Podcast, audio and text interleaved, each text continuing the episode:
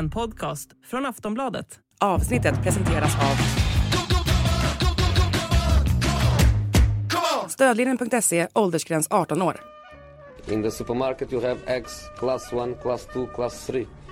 And some are more expensive than others, and some give you better omelets. That's the wrong information. Wrong, wrong, wrong information. I didn't say that. That's the wrong information.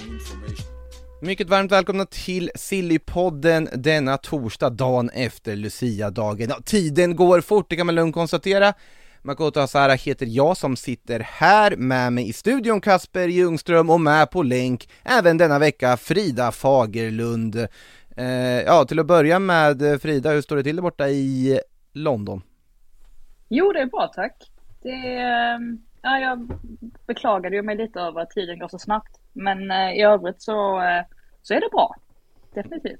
Kasper, känner du också att tiden bara tickar iväg och att man inte liksom blev så här glad och mysig stämning av att det ska vara Lucia-tåg igår, utan mer kände oj, shit, okej, är vi där nu i kalendern? Ja, verkligen så. Jag har en del julklappar och sånt som ska handlas in och det är, det är massa grejer som ska fixas så att, äh, mer stress än glädje, så är det. Jag har inte handlat en enda än, så jag är också i total panikläge på den fronten. Den båten sitter jag också i. Eh, ja, får, eh, så är det när man har föräldrar som alltid säger nej men jag önskar mig ingenting. Ja, Verkligen. eh, klassiker.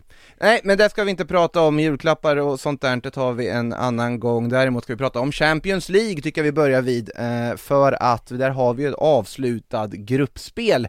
Eh, det sista i sitt slag nu när man ska göra om det till någon sorts Super League, eh, supertabellvariant i nästa säsong. Vi får se hur det när schabraket blir. Men här och nu kan vi i alla fall konstatera att det blev ris och ros för de engelska klubbarna, Premier League-representanterna, och att det blev ett högdramatiskt avgörande i dödens grupp, grupp F, där Newcastle ett tag var på väg förbi PSG upp på en andra plats i tabellen. Det slutade dock inte så, de åkte ner hela vägen till jumboplatsen, inget Europa League-spel för dem.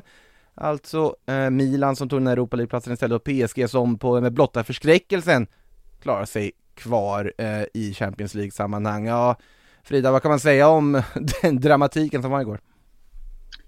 Ja, att de, de gav ju ändå Milan en ordentlig match får man säga under 60 minuter så kontrollerade de ju faktiskt den tillställningen. Och det Ja. var ju inte överraskande kanske men med tanke på hur trötta de såg ut allihop mot Tottenham så hade de ju ändå steppat upp till den här matchen får man säga. Och de får ju också otroligt mycket energi på St. James' Park så att det var väl inte oväntat på så sätt men eh, nej i slutändan så känner de väl antagligen en stor besvikelse. Dels över att man då missat att gå vidare från gruppen trots att det var dödens grupp trots allt. Men också det här med att man missar Europa League. Men med det sagt så har de ju en skadelista som är väldigt lång. Eh, Premier League-schemat är väldigt tufft just nu så att ja, summa summarum så är det ju ingen katastrof på något sätt med tanke på vilka motståndare man hade. Men sen samtidigt så, ja, det är väl klart att de, de, eh, de siktar på mer, att de har väldigt eh, höga ambitioner. Men eh, nej, nu, nu har de gjort det här. Får vi se om de kan vara med och konkurrera på riktigt nästa säsong. Nej, det, känslan dock lite med tanke på, du nämnde ju skadelägen, nu fick de väl också Gordon och Trippier med skadekänningar i den här matchen. Eh, som att det inte var nog med det de hade. Dan Burn tillbaka, det var ju kul att se i alla fall när han kom in för Trippier. Eh, men är det inte att de inte då, alltså inte får Europa League utan hamnar hela vägen ner på sista platsen och därmed då är helt borta ur Europaspel. Är inte det lite av en blessing in disguise för Newcastle i det här läget? Ah, alltså så här, jag, jag köper vad du, vad du menar, eh, men det är liksom, det är Newcastle vi pratar om, det är inte en klubb som prenumererar på Europaspel år efter år efter år. Man får inte glömma bort den aspekten ur det hela att så här, Newcastle vill spela i Europa så länge det går. Eh, och sen, eh, ja, alltså så får man väl fightas på andra fronter, men man kan liksom inte uppoffra det som man har eh, någonstans kämpat för bara för att försöka kämpa om det igen. Känner jag mest. Så att, ja, jag jag förstår vad du menar. Att det, det är liksom, det är klart att det kommer eh, gynna dem i ligaspelet. Men samtidigt så är det ju det, det är det här de vill. Det är det är att vara ute i Europa. Och när man går miste om det så tror jag att då känner man nog inte något annat än, än sorg om man har sympati för Newcastle. Ja, fast samtidigt så här, de, att de tog sig till Champions, jag håller ju med i, i det här sammanhanget där spelarna är såklart jättefrustrerade och besvikna. Men att de tog sig till CL nu är ju mycket tidigare än vad någon av oss hade väntat oss att de skulle göra med det här projektet med alla pengar de har fått in och alla värvningar och så vidare. Och det har varit väldigt tydligt den här säsongen att de inte har truppen för att hantera två fronter. Mm. Eh, med skador och så vidare. I det här läget där man snarare vill bygga upp en vana att spela Europa, en vana vid att också tampas längst upp och ta Champions League-platserna, för det är en klubb som, som vill att det här ska bli en vana snarare än bara liksom enstaka grej. Då kanske det ändå istället för att behöva tampas i ett Europa League där, eh, som blir väldigt snårigt och kommer kräva kraft, att bara helhjärtat fokusera på att försöka jobba sig upp på en topp 4-placering på något sätt i ligan under resten av säsongen. Jo, men, men sen samtidigt om du, om du tittar på tabellen nu, det är rätt så många lag som slåss om de där Champions League-platserna. Så det hade kanske till och med varit en, jag säger inte att det hade varit en superenkel väg att vinna Europa League, men ens chanser ökar ju också. Mm. Att man får spela i Champions League nästkommande säsong. Så Precis. på det sättet så, så är det ju kanske också en liten missräkning, även om jag förstår vad du menar det här med att de inte har en, en särskilt bred trupp. Men jag håller med Kasper lite också. Jag tror att supportrarna hade, hade älskat att vinna Europa League. Betydligt mer än vad Man United-supportrarna hade Mm. gjort. Sen eh, finns det ju också aspekten i hela att om de hade tagit sig till Europa League så hade det kunnat hjälpa den där koefficienten och ligarankingen som där England just nu inte får en femte Champions League-plats till nästa säsong när de gör om systemet. Och den, aspekten kan- är ju också intressant i sammanhanget. Om Newcastle hade varit med ett tag i Europa så hade det kanske kunnat hjälpa ligan och i sin tur då kanske Newcastle som slåss om de placeringarna. Eh, men vi får väl se vad som händer i vår.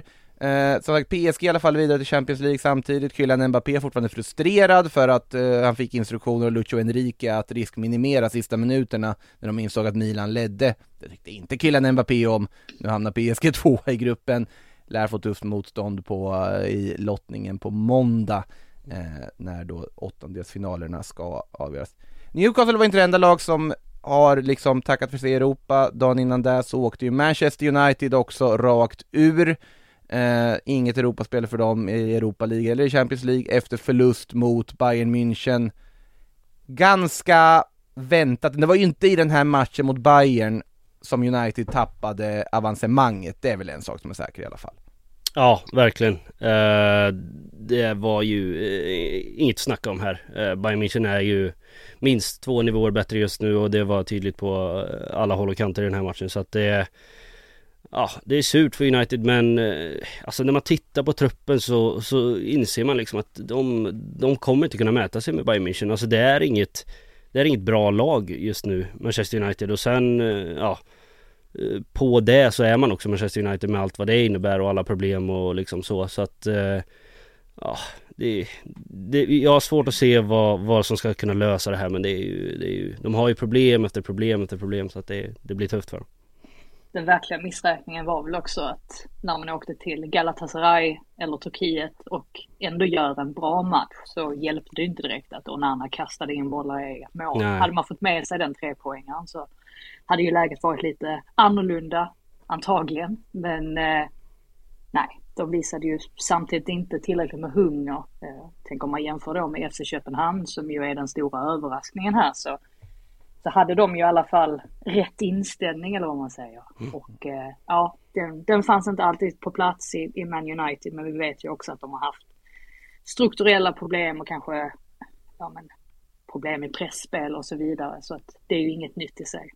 Vi har väldigt mycket angående Manchester United att avhandla när vi kommer in på det mer liksom eh, silly relaterade segmentet av, av den här podden. Så vi håller där till det.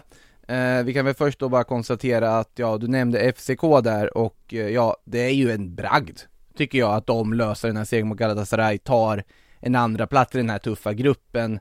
Eh, och eh, ja, det blir väldigt spännande att se. Nu, jag tror ju att det kommer bli respass i en åttondelsfinal oavsett vad de lottas mot, men bara att de har tagit sig dit är en bedrift i sig, eh, måste man ju säga, för så pass mycket svagare är faktiskt materialet på papper som de har jämfört med de tre andra lagen i den här gruppen.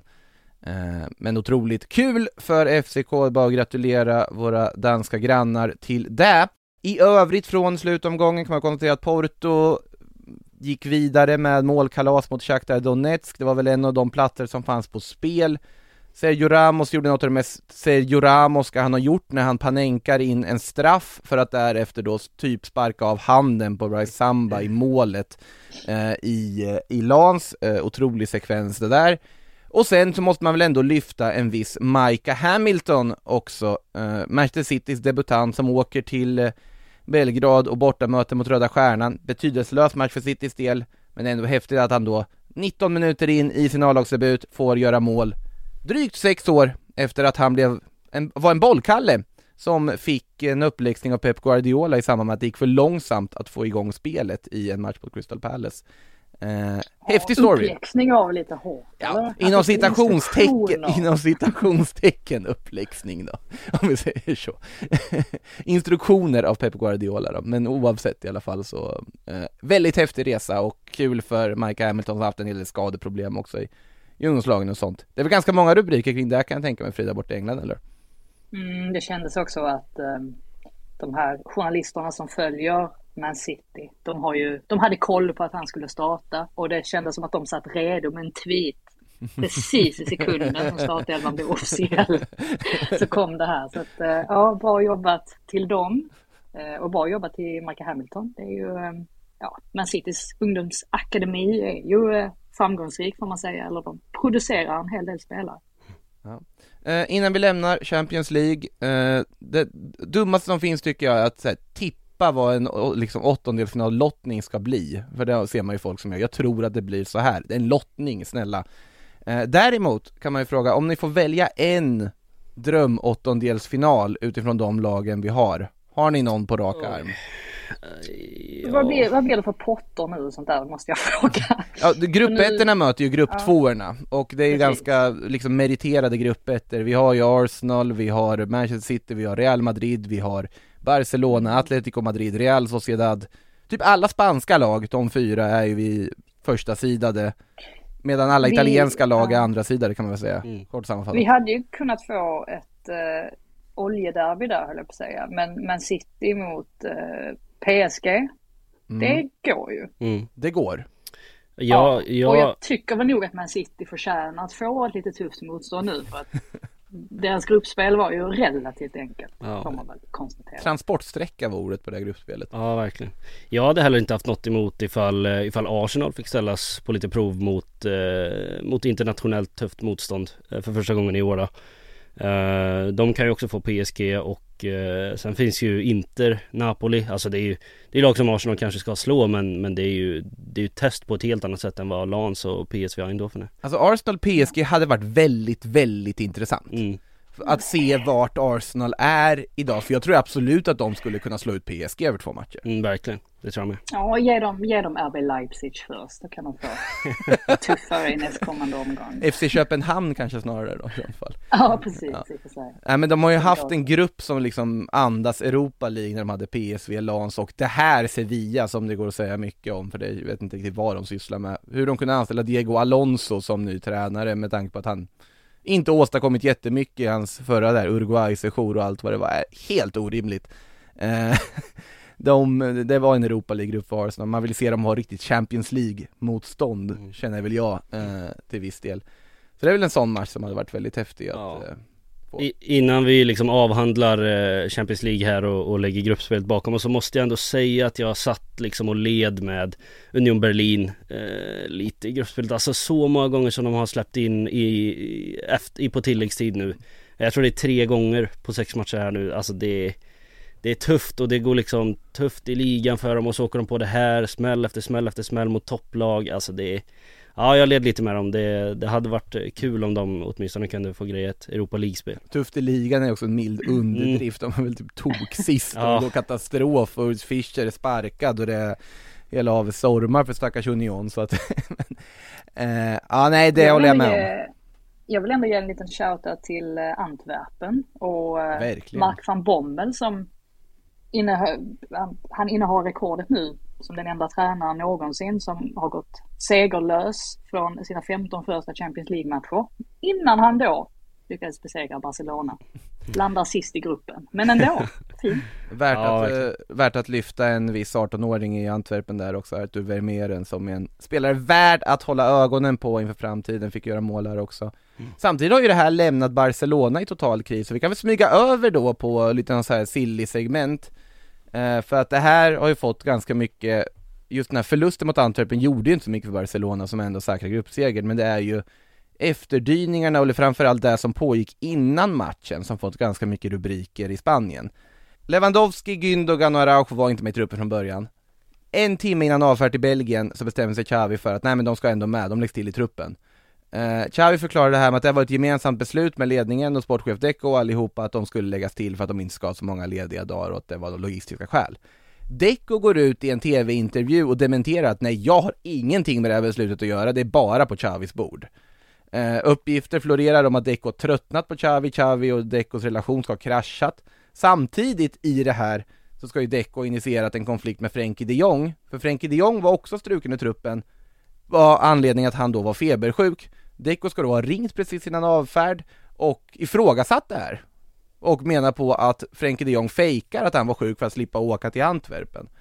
Eh, ja, ni hör hur det må, mås i Barcelona efter 2-4 mot Girona följt av 2-3 mot Antwerpen. Inte så bra. Nej, Ehm, känns det som att eh, Deko börjar tappa skallen lite mer än vad någon annan Alltså börjar beskylla folk för att fejka sjukdomar och sånt, det är Ja det Det roligaste var att hans upp, en av hans huvuduppgifter när han tog över då, den sportchefsrollen var att han skulle liksom eh, medla och liksom förbättra relationen med Frenkie de Jong och Barcelona som redan var ansträngd och lösa ett nytt Gick kontrakt. sådär. Ah, det, det är rörigt i Katalonien där just nu.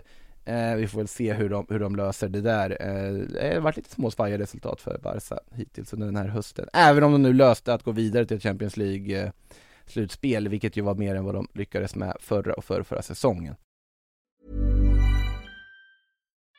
We love our pets, but when the floor is covered in fur, that's harder to love. Eufy X10 Pro Omni Robot Vacuum has powerful 8000 PA suction to make hair vanish from floors in just one pass. Plus, the roller brush has automatic detangling for easy hands free maintenance. Want to know more? Go to eufy.com, that's EUFY.com, and discover X10 Pro Omni, the best in class all in one robot vacuum for only $799.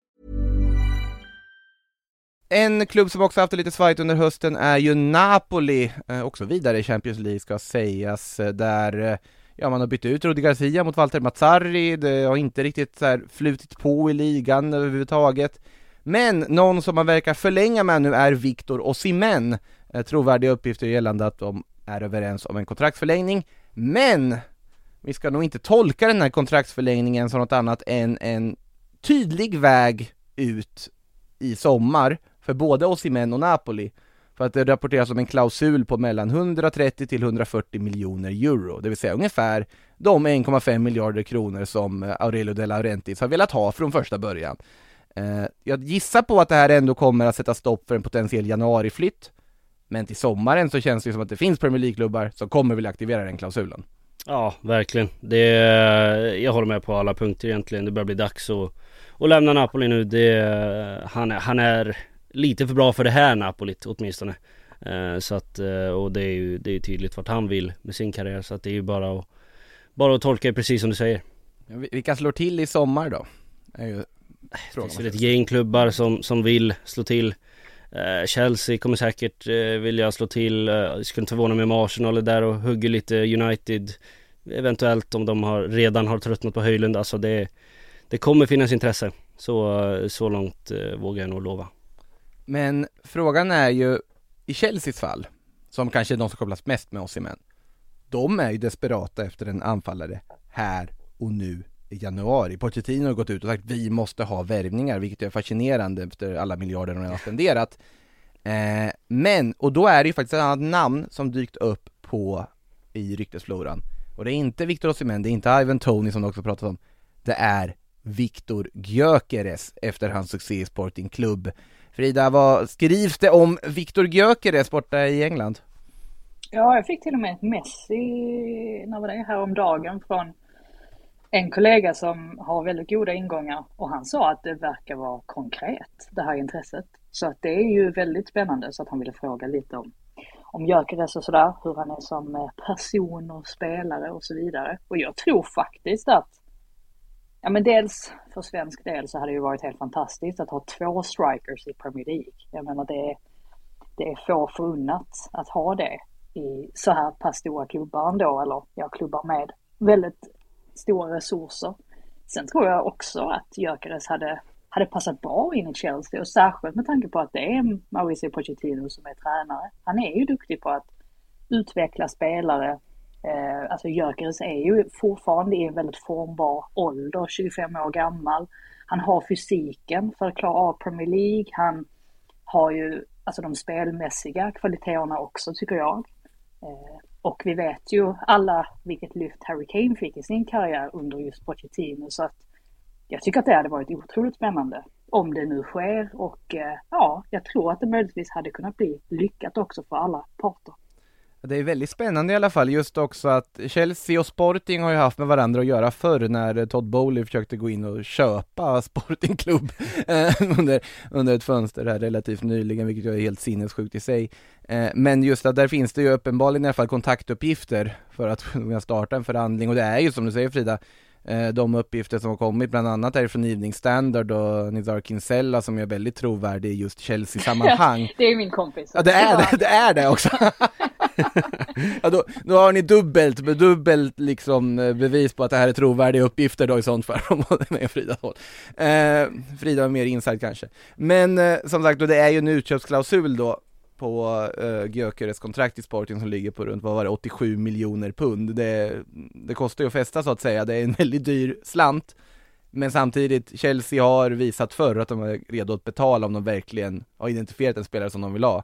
Och det känns ju mer lättlöst eh, vinterfönster än vad eh, eh, Osimhen eller Tony skulle vara, så det här kan ju bli en väldigt spännande följetong med, för svenska ögon att följa. Ja, eh, verkligen. Det kan bli spännande, men frågan är om Viktor Gyökeres vill lämna sin vardag borta i, i Lissabon efter ett halvår för att kliva in i Chelseas lilla haveri. Alltså för att spela under Pochettino. Ja, ja det är klart att det lockar med Premier League och Få en miljardprislapp på sig. Ja, det, alltså det men det kommer han ju få i, i sommar ändå. Alltså det tror jag ändå att han, han löser Ja men då måste han ju först ösa in mål i Sporting på samma nivå, tror du han gör det under hela våren också? Jag tror inte han behöver göra på samma nivå men han har redan visat vilken nivå han ligger på. Han behöver göra några påsar till men, men Alltså han, han kommer gå för oerhört dyra pengar i sommar. Och jag tror att han gör nog klokare i att stanna nu i januari eh, och låta Chelsea eh, gå all out på Osimhen för att då lämna en lite av en lucka i, ja men Arsenal. Och, och kliva över till Arsenal istället för att alltså Chelsea nu jag vet inte, det, det känns, och den, den anfallspositionen, det är många som har varit där och försökt nu eh, Men det, det är ingen som lyckas det är väl det som talar emot då, just att Chelsea inte verkar vara ett lag som har allting på plats i dagsläget, men det mm. kan ju också vara en indikation på att här kan man faktiskt gå in och göra skillnad. Ja. Eh, för att gå till ett Arsenal där allting fungerar relativt väl, riskera att hamna utanför en startelva och sitta och nöta bänk. Arsenal kommer inte betala de pengarna för honom heller, jag har väldigt svårt att se det. Inte i sommar heller.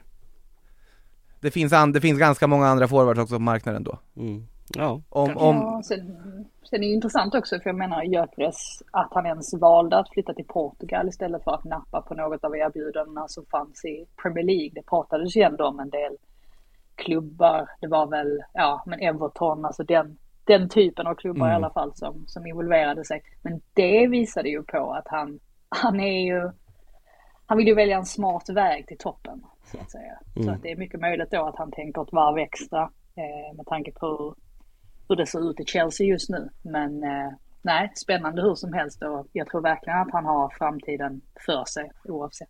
Ja, det, det är väldigt, väldigt spännande att, att följa. Sporting vill ju egentligen inte sälja, det har ju snackat om Sporting-fansen har ju liksom försökt liksom propagera för att man ska ha nytt kontrakt med honom redan nu för att höja hans klausul och så vidare. Så att ju, men... Eh, alltså så här, jag förstår att Chelsea vill ha en ny anfallare efter den här hösten med Nicholas Jackson men han har ändå gjort lite mål ja, Nicolas han, Jackson men det... Han har gjort lite mål men är det värt att få panik innan en Kunko ens har fått komma tillbaka? Alltså, Det ligger något i det, det ligger något man i ska, det. man ska inte glömma bort att på försäsongen så såg den duon riktigt, riktigt vass ut. Eh, Och de har inte ens fått chansen ihop i ligan så att eh, Hade jag varit Chelsea så hade jag haft lite mer is i magen men uppenbarligen så har Chelsea allt förutom is i magen. Det har vi väl sett ganska tydligt att de inte har tidigare. Precis. Eh, värt att nämna också eh, nu när läget finns att eh, Todd Bowley har väl haft fullt upp med att eh, lösa annat med tanke på hans ägarskap i LA Dodgers.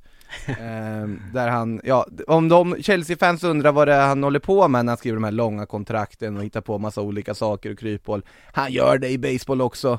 Eh, Det här rekordkontraktet som Shohei Ohtani fick i Dodgers nu där han alltså skjuter upp 97% av sin lön till efter kontraktet för att Dodgers ska ha plats att köpa nya spelare. Eh, otrolig deal för övrigt som, eh, som vi pratar om i ett eh, framtida Sportbladet Daily här också. Kan ni, kan ni hålla utkik på i, i flödet. Eh, från det till Manchester United, för där, ja det puttrade som vanligt kan man väl säga och nu pratas det ju om att Erik den Hag ska ersättas igen och det snacket har vi haft förut och ett namn som återigen då slängts upp på tapeten är Graham Potter. Eh, Frida, vi har varit inne på det förut, nej snälla Graham, inte nu, det här efter det som hände i Chelsea, är du fortfarande inställd på åt samma håll? Ja, det är jag väl egentligen. Jag, eh, han har ju väl legat väldigt lågt, ska man Mm. komma ihåg, Potter sen, sedan han lämnade Chelsea. Och han känner väl att han har behövt ta, ta igen sig också lite grann efter den, ja alltså vilken session det var. Det var ju Alltså, verkligen, herregud, ja. eh, han gick verkligen från lugnet på sydkusten till ja, full, fullständigt kaos egentligen. Så jag kan förstå att han har behövt vila upp sig ett tag nu. Jag tror att han sitter och inväntar rätt sorts projekt. Jag är inte säker på att han tycker att Man United är, är värt det. Det är klart att det är en av världens största klubbar. Det är svårt att tacka nej, liksom det var svårt för honom att tacka nej till Chelsea och allt vad det innebar. Men eh, jag tror att Jim Ratcliffe kommer behöva försäkra honom om en herrans massa grejer för att han ska känna att det är ett projekt som han vill hoppa på. Ehm, och sen så vet jag inte ens hur Ratcliffe tänker nu här. Han har ju inte kommit på plats riktigt än, även om man har kunnat se att han har gjort vissa förändringar i ledningen och så vidare. Men eh, ja, vi får väl se här vad som händer med Erik Ten Hag. Jag tänker väl att det inte nödvändigtvis kommer förändra någonting, eller det kommer inte hända drastiska saker av att sparka honom, tror inte jag egentligen. Eh, för att jag tror att alla problemen sitter högre upp och i, i rekryteringsbiten och så vidare. Men eh, nej, vi får se. Potter ska ju komma tillbaka någon gång i alla fall. Så att jag vet inte riktigt vad för typ av klubb som hade attraherat honom, men antagligen någon som mår lite bättre än Man United. Och samtidigt så är ju det mycket begärt för att ofta så sparkar man ju en tränare när det går sämre.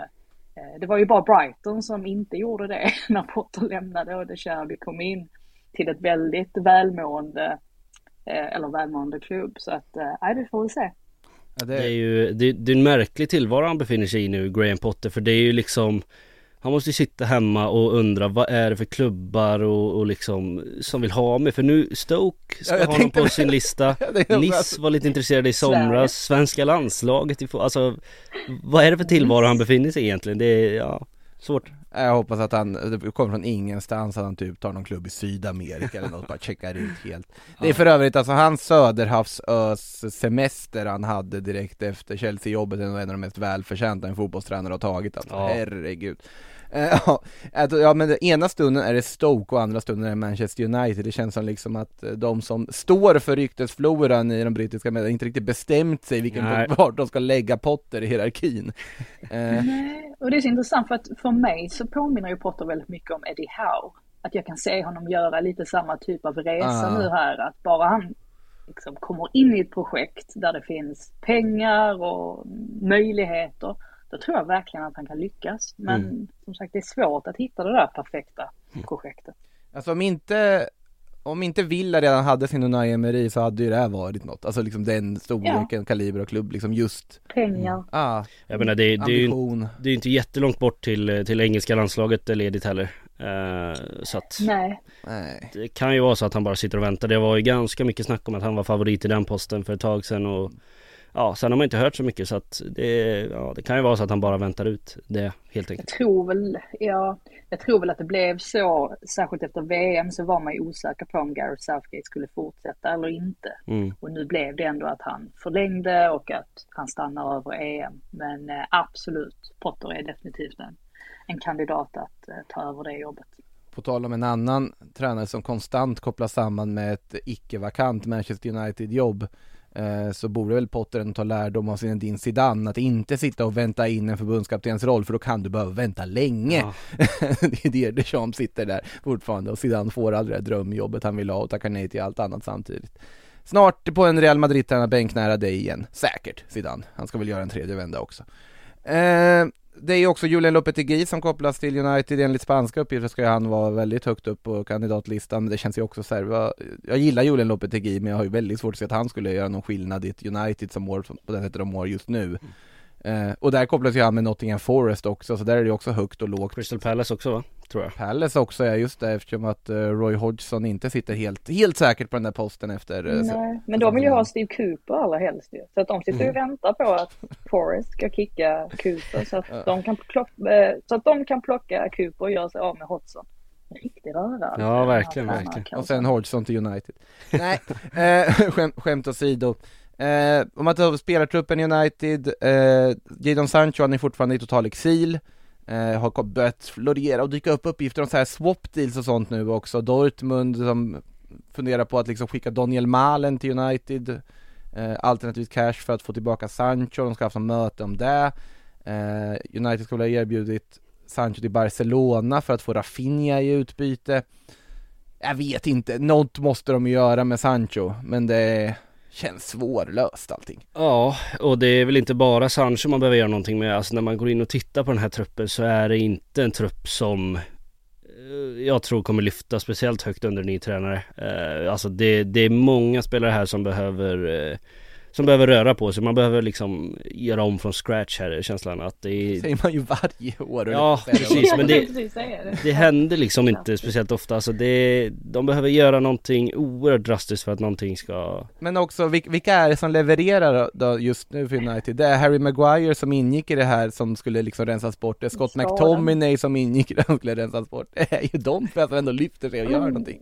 är inte egentligen det man behöver. Det är väl en, och det här gäller ju rätt många klubbar, men en ordentlig eh, defensiv mittfältare. Man har ju ändå saknat Casemiro den här säsongen i den formen som han var i förra säsongen. Mm. Alltså han lyckades ju ändå komma in och stabilisera en hel del. Det är ju där hålen hela tiden finns. Sen är det klart så kan man ju peka på att ja, men yttrarna eller anfallarna i stort, de eh, pressar inte tillräckligt eh, strukturerat eller tillräckligt aggressivt, eh, jobbar inte hem tillräckligt ofta. Alla sådana grejer är ju såklart någonting man, alltså det är ju upp till Ten Hag på något sätt att få sina spelare att arbeta hårdare. Men jag tror att hade man fått in i alla fall lite stabilitet, alltså på, eh, ja, men på de ytorna på planen så tror jag att man hade lyckats stabilisera rätt så mycket också.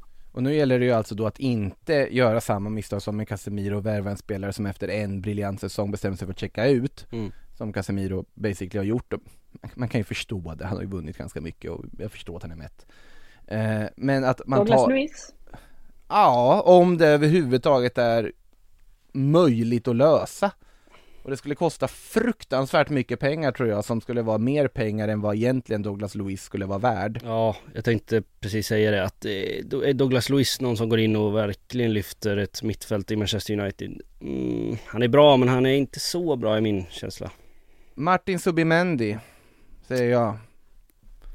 Ja. Alltså, jag menar alltså, ge honom tålamod på samma sätt City gav Rodri tålamod. Men alltså då kan man ju lika gärna ge eh, Mainu eh, tålamod. För att han finns ju redan där och han är ju Han är bra på riktigt. Eh, då kan man det ju är lika gärna... Subimendi också, men absolut, det, den ena utesluter inte den andra, men Nej. ja, jag håller med om att i dagsläget skulle jag ju spela Maino. Mm. Alltså, rakt av.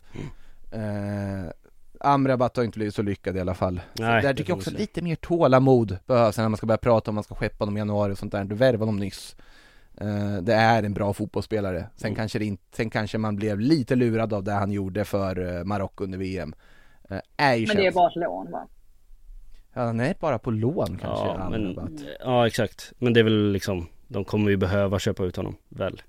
Ja alltså annars skulle de inte aldrig gå med på att skeppa honom på det sättet för tiden. Så det ligger ju någon form av obligation i det där. Eh, För det snackades ju om att de ville skicka tillbaka honom nu i januari. ja, har ju precis. Det är precis det jag menar.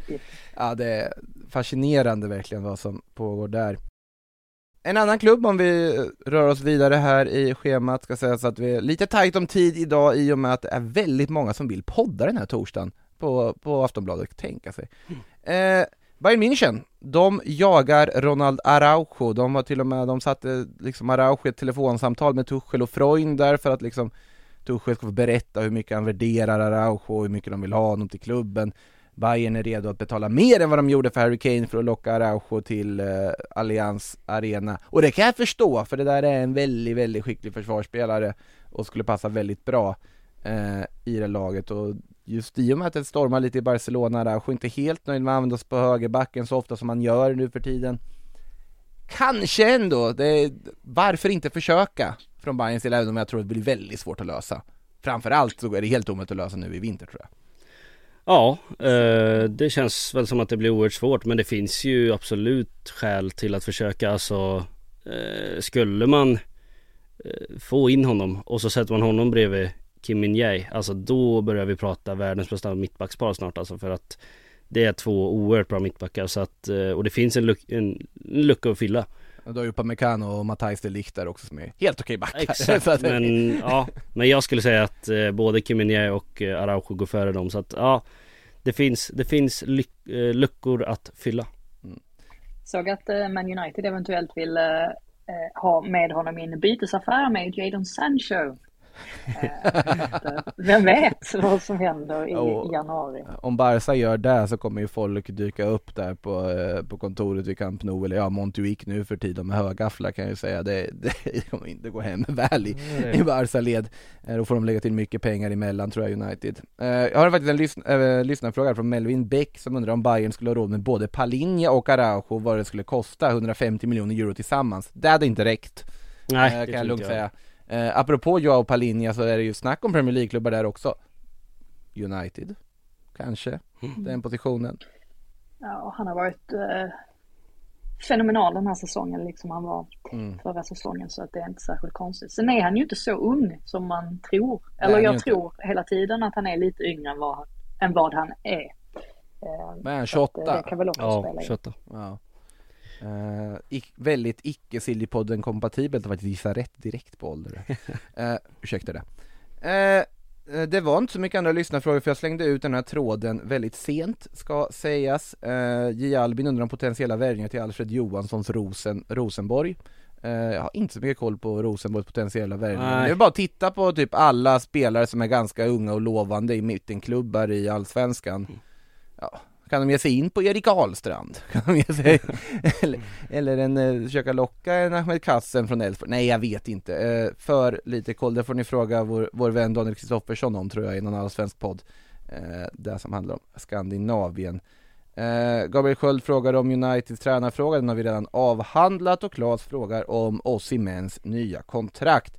Eh, där vi däremot kan ta upp innan vi rundar av för den här torsdagen är Serou Girassi eh, Vi har pratat om hans låga klausul i sammanhanget tidigare, han har ju 17,5 miljoner euro i utköpsklausul i hans kontrakt i Stuttgart. Eh, Ungefär 200 miljoner kronor då.